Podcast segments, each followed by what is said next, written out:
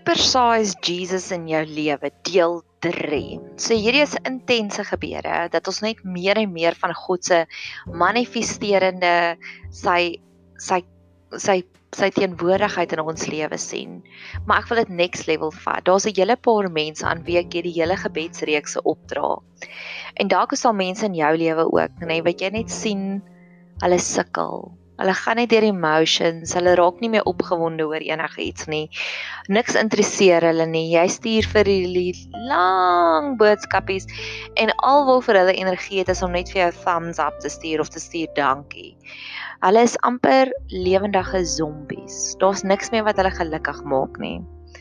Dalk is daar mense in jou lewe wat wie jy gevoel het, waar is hierdie persoon wat ek maande terug geken het? Hierdie persoon wat opgewonde geraak het oor dinge en nou is dit asof elke dag is net 'n herhaling na die volgende dag toe. Is dit 'n voeltjie nou net hier op my, want oh, nou het hy weggevlieg. Op my deur was dit so special. Ek het amper gedink hy gaan in my huis inkom. So hierdie is gebedsreekse vir dit. Dalk is daar iemand wat jy ken wat nou onlangs deur 'n trauma gegaan het en hulle verwerk dit en ek glo werklik waar dat God se teenwoordigheid kan daai radikale genesing bring. So dalk bid jy vir jouself vir meer God, meer van God se teenwoordigheid in jou lewe. Of dalk bid jy dit vir iemand anders, dit ek ook doen. Ek bid dit vir myself, maar daar's 'n hele lang reeks van mense vir wie ek dit ook bid wat ek regtig waar kan sien dit gaan nie goed met hulle nie en ek weet net God het die antwoorde daarvoor.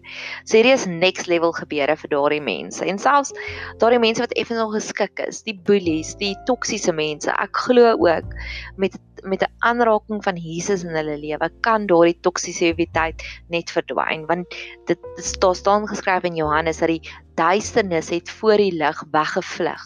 So ons bid vir daardie radikale lig dat die duisternis net kan vlug. Die eerste punt wat ek wil aanraak in hierdie deel reeks 3. Ek het al ooit gewonder oor Aaron se staf wat net begin blom het. Ek wil dit graag vir jou lees. Dit is in Numeri 17 vers 8. En toe Moses in die volgende dag in die tent van getuienis ingaan, kyk, daar het die staf van Aaron vir die huis van Levi gebloei, dat dit bloeisels laat uitsprei en blomme laat oopgaan en amandels laat ryp word. Nou eers van alles is dis dis 'n onnatuurlike voorkoms boonbehalwe vir die feit dat dit 'n staf is wat begin bloei en ek gaan nou daaroor praat, maar daar's twee wonderwerke in in hierdie in hierdie een skrifgedeelte in hierdie een versie. Bloeisels, blomme en amandels gebeur nie alles op dieselfde tyd nie. Daar's eers bloeisels vir 'n seisoen en dan na die bloeisels gaan die blo bloeisels word dan blomme vir 'n ruk. En dan na die blomme kom die amandels eers. So daar's die eerste wonderwerk. Al drie goed het so radikaal gebeur. Ek het nou onlangs stuk met iemand gesels en hy is mal oor amarellas en hy het vir my gesê dis so hartseer dat jy 50 weke van die jaar werk met hierdie met hierdie amarellas en net 2 weke van die jaar blom dit. En hy sê dis die hele jaar se harde werk vir 2 weke se vreugde. En ek het net daar gedink en gebid, Here, ek weet dat daar's mense in my lewe vir wie ek 'n lang pad in hulle gaan investeer en ewe skielik gaan hulle begin blom. Maar toe het ek gebid, Here, gee asseblief vir my 'n verskeidenheid van blomme in my tuin. Clivias wat Augustus maand blom, amaryllis wat Oktober en September Oktober maand blom. Um ek soek 'n jacaranda boom ook wat Oktober maand, die hele Oktober maand blom. Rose wat in die somer blom. Maar ek dink hierdie is nou next level. Is God kan vir ons die Aaron se staf gee wat alles in een tyd gebeur. Daar's bloeisels, daar's blomme en daar's amandels. So dis die eerste ding waarvoor ek vir jou en vir my bid. Mag ons daardie Aaron se staf oomblik kry. Sekere mense in wie ons baie investeer en ewe skielik begin hulle te blom. En ek het ver oggend ook met my intercessors gesels, het ek vir hulle gesê, ek sien, ek het vir 'n paar weke lank gesien dat die mense op WhatsApp het vir my baie stil geraak en nou begin daar veranderinge te kom. En ek is dankbaar daaroor, maar mag God konstant vir ons die bloeisels, die blomme en die amandels gee op verskillende plekke in ons lewe. Partykeer is dit dinge waarna jy in jouself werk en ewe skielik kom die radikale transformasie daarmee. Dalk is dit mense met wie jy journey en ewe skielik begin jy te sien maar hulle begin 'n pragtige skoenlappers te word. Maar die tweede wonderwerk wat hierin is, nê, nee, is die staf wat begin bloei het. Hy het nie water gekry nie, hy het nie voeding gekry nie, hy het niks gekry nie. Ek sit hier so by, voor my laptop en ek sit en werk by 'n houttafel. En dis so goed soos môreoggend as ek wakker word en hiersoos ewe skielik wat ook al hout hierdie is. Okkernete hier op my tafel wat hy groei.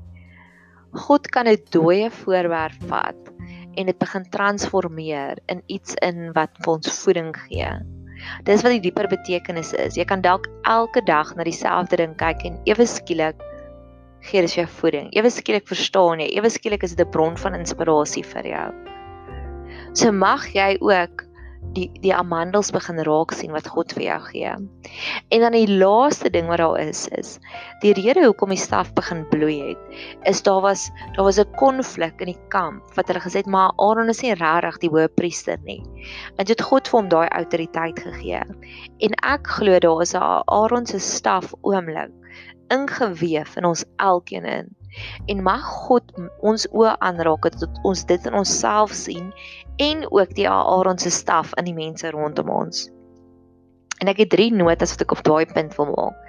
Ek het een vriendin wat vir my die intense vrugte gewys het van intense reflektering en journaling. Sy is deur 'n baie moeilike seisoen, maar toe sy die storie vir my vertel het, toe kon ek sien sy het al die wysheid vrugte daarvan uitgepluk. So volgens my is sy die guru van reflektering en meditering. Ek het 'n pasiënt gister gehad wat op 'n stadium vir my al die fotootjies en video's begin wys het van die natuur en dit was so, oh, wow, sy het my so gevoed. Dis weer eens ek het net werk toe gegaan. Ek was veronderstel om werk te om te werk daar. En toe gee sy vir my die amandels en die okkernete en die pekanete daar. En sy het my drie video's gewys of drie fotootjies gewys en die eerste een was weet jy in Kenia is daar 'n sebra gebore wat net kolle het. Hy het nie strepe nie. Dit is vir my super uniek want ek en een van my ander vriendinne is op 'n reis oor om te sê wees jou unieke self en dalk is sy die sebra wat gebore is net met kolle en nie met strepe nie. En dit sê vir my gewys van murmurations en ek sal 'n nota hiervan maak van die murmurations um wat voels doen voordat die swaalkies terugvlieg van Europa af. Dan vorm hulle die mooiste patrone in die lug en hulle so, vlieg so saam. En dit is net so gorgeous. En weer eens het ek met 'n vriendin van my gesels wat tans op 'n wildernisreis is die vorige week en ek het vir haar gesê ek voel jy soos 'n swaalkie wat nou in Europa is. En op 'n stadium gaan jy weer terugkom na ons toe en jy gaan ons weer voed want sy het ook sulke diep bronne, sulke diep myne binne in haar waar sy diep goeders uithaal. En ek het wel gesê geniet jou tyd in Europa, geestelike Europa, emosionele Europa, dis nie regtig in Europa nie. Want ek weet as die swaalkies terugkom, so sal God ook vir jou daai GPS aanskakel om terug te kom. En toe gister toe stuur ek dit dadelik vir haar, sê ek vir haar, kyk hierso, hierdie pasiënte het dit met my gedeel en dis amper asof die voeltjies 'n meesterstuk maak in die lig. So ek sal die video linkie onderaan sit in die in die beskrywingsboks gaan kyk dit gerus. Dis net so diep. En die derde fotootjie wat sy vir my gewys het, was daai fotootjie en dit pas nou weer aan by my en my vriend se gesprek oor die 50 weke van die jaar werk aan die amarella plantjies en dan 2 weke van die jaar blom hulle. En um daar's blykbaar 'n blom in die Himalayas. En nou sal ek gou daai blom se naam moet gaan soek want ek het 'n nota daarvan gemaak. Mahameru blom. En dit is die mooiste groot blom. Maar volgens die stories blom hierdie blom net een keer elke 400 jaar. En dit het my nog laat dink is dalk is daar en ek is ek is hoekom nou op reis met mense wat God het my die nuwe battle plan gegee en ek loof en ek prys hom daarvoor om te sê want ek weet ek is baie intens. Ek is regtig super intens en ek het nou onlangs in 'n boek ook gelees van hoekom is sekere mense net so intens, maar meer oor dit op 'n ander dag. Maar ehm um, wat wat die Here vir my gesê het, maar breek dit af. En so kan jy vir iemand skryf jou lang briewe, maar maak dit korter. Maak dit net kort boodskapies en elke dag stuur jy dit vir iemand. En vir die een persoon het, het God vir my gegee, ek moet vir 3 maande lank dit doen. En vir die ander persoon het, is dit so 'n week en 'n half lank.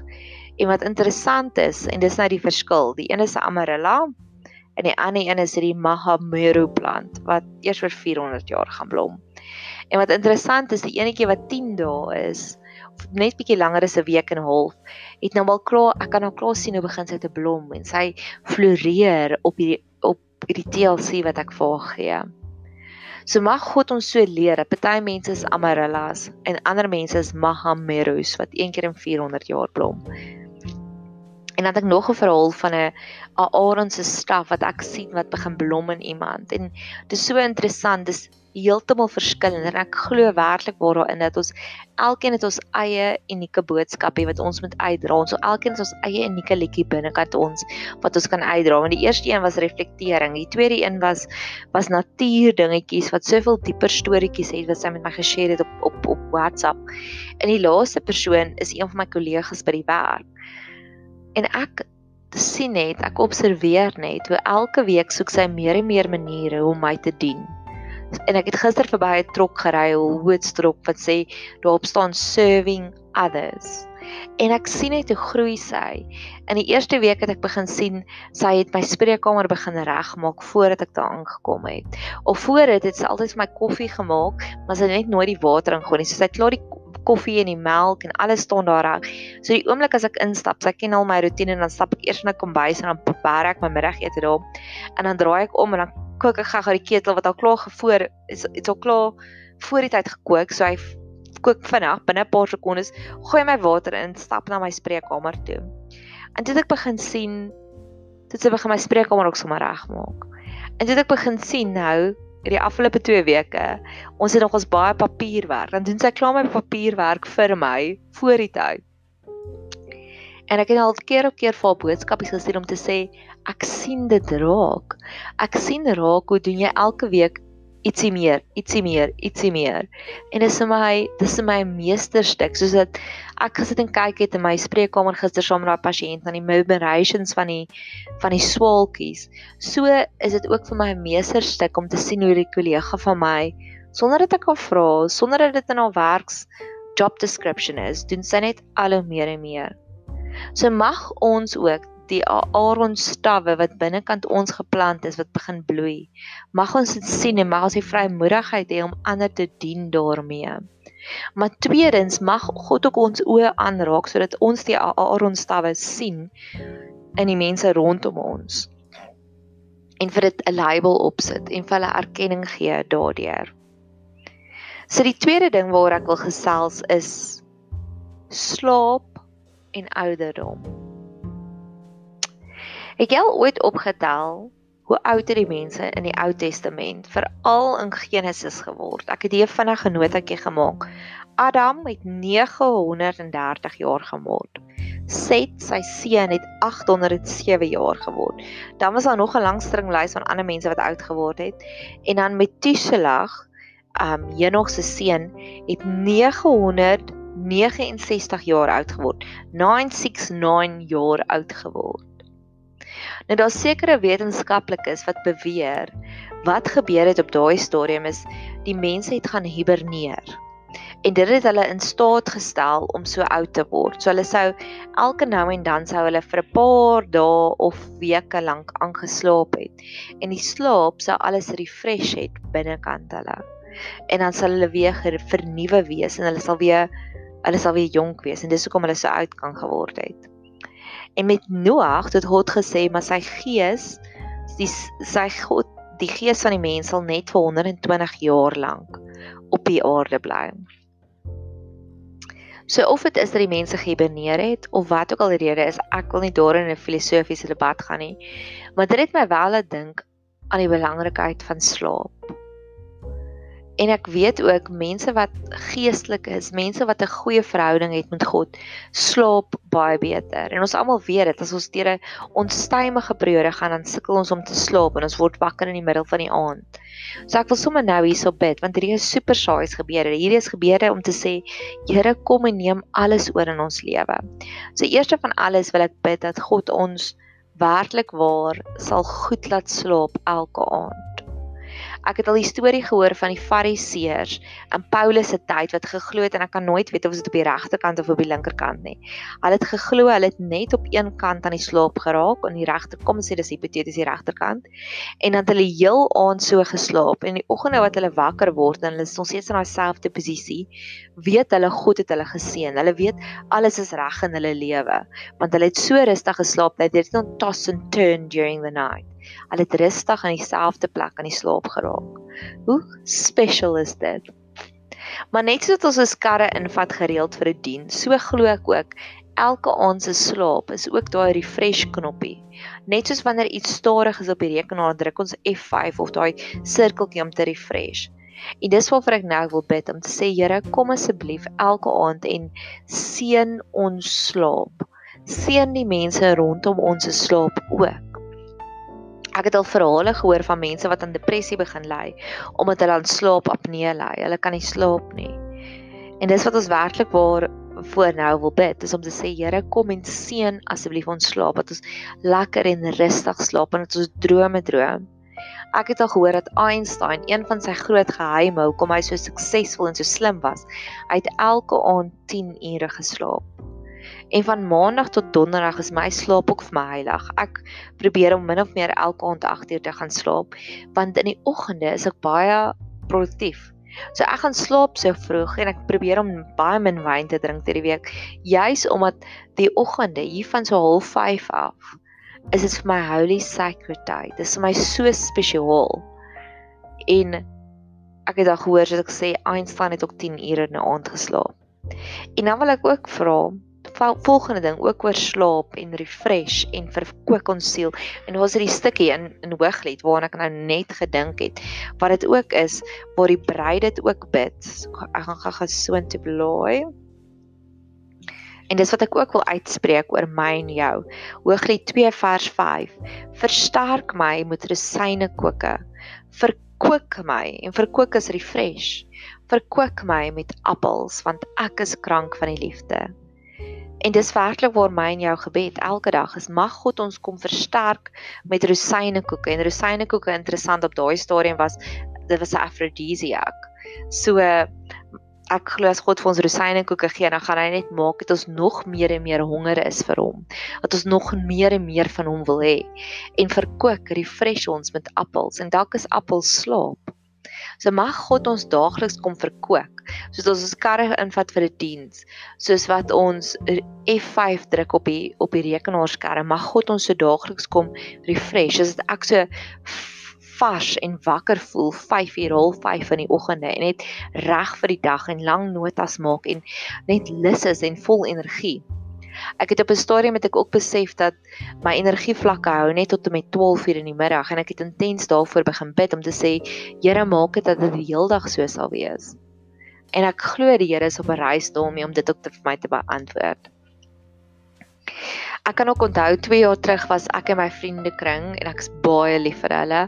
Was ons vir 'n week lank in Ponta de Ora as 'n vakansie. Ons was 'n lekker groot groep en ons het lekker gelag en ons het ontspan en die grootste bekommernis elke dag was gaan ons uit eet of gaan ons by die huis brons maak. Dit was dit was ontspanne, dit was lekker, dit was liefde. Ons het dit avonture saam gehad. En toe ek terugkom omtrent vir 2 weke lank was ek op so 'n goeie plek. Ek was op so haai.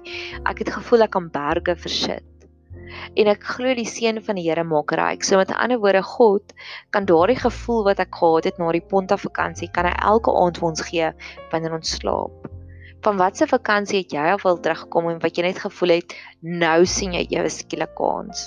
En ons gaan nou hier na die einde van die jaar toe en ek kan sommer sien die mense is moeg en na Desember vakansie kom almal terug met nuwejaarsvoorneme en mag ons elke dag daai nuwe infused energie kry om elke dag so oorvloedige lewe te lewe want Jesus het gesterf sodat ons die lewe in oorvloed kan lewe.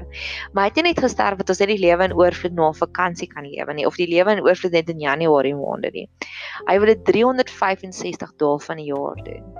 So mag God ons slaap seën sodat dit verkoop is sodat dit hierdie Hooglied 2 vers 5 verkoop my met appels oomblik sal wees elke liewe oomblik. En dalk vat jy net 'n vinnige gebruik by die werk of Dalk gaan loop jy vinnig gaga om jou huis, mag God daai oomblikke ook vir jou kom en verkoop. Ek het ook so 'n roetinetjie wat ek hierso by die huis doen. As ek begin voel ek raak bietjie lusteloos, dan was ek gaga skottelgoed of ek het so 'n paar oefeningkies wat ek doen. Um en dan voel ek ook sommer weer verkoop. So mag God dit ook sommer vir ons seën. En dan die laaste punt waarby ek wil afsluit ook op die verkoop is Somstyds glo ek met 'n met 'n verhouding, met 'n vriendskap, of selfs 'n verhouding moet ook verkoop word. Somstyds glo ek ook maak me God mense stil sodat ons bietjie die vriendskap ook kan verkoop, dat die vriendskap ook in hibernasie kan gaan en dat dit kan terugbonds met volle evangelie, met volle gusto. Ehm um, Salomo skryf ook daarvan 'n prediker wat hy praat van die seisoene. En ek glo baie keer is daar 'n seisoen wat 'n vriendskap net bietjie met hiberneer. So wanneer jy dalk in daai proses is waar jy weet hierdie persoon het vir jou baie boodskappe gestuur, hulle het vir jou baie aandag gegee en ewe skielik raak hulle stil. Gee hulle die grace en die space. Toe Isak die derde put gegrawe het in Genesis, het hy geskryf Die eerste put se naam was Esek want daar was onmin en die tweede put was Sitna want daar was konflik en die derde put het hy genoem Rehoboth en dit sê God God gave me breathing space. So dalk is daar ook 'n verhouding, 'n vriendskap wat tans in 'n hibernasie mode is. God is besig om te verkoop. Gee hom die Rehoboth, gee hom die breathing space sodat God dit kan terugstuur dat dit weer ten volle verkoop sal wees. Mag jy 'n super geseënde dag hê. Mag jy die Aaron se bloeisels sien, die Aaron se staf wat oral begin bloei rondom jou. En mag jou slaap en jou rusperiodes super geseënd wees.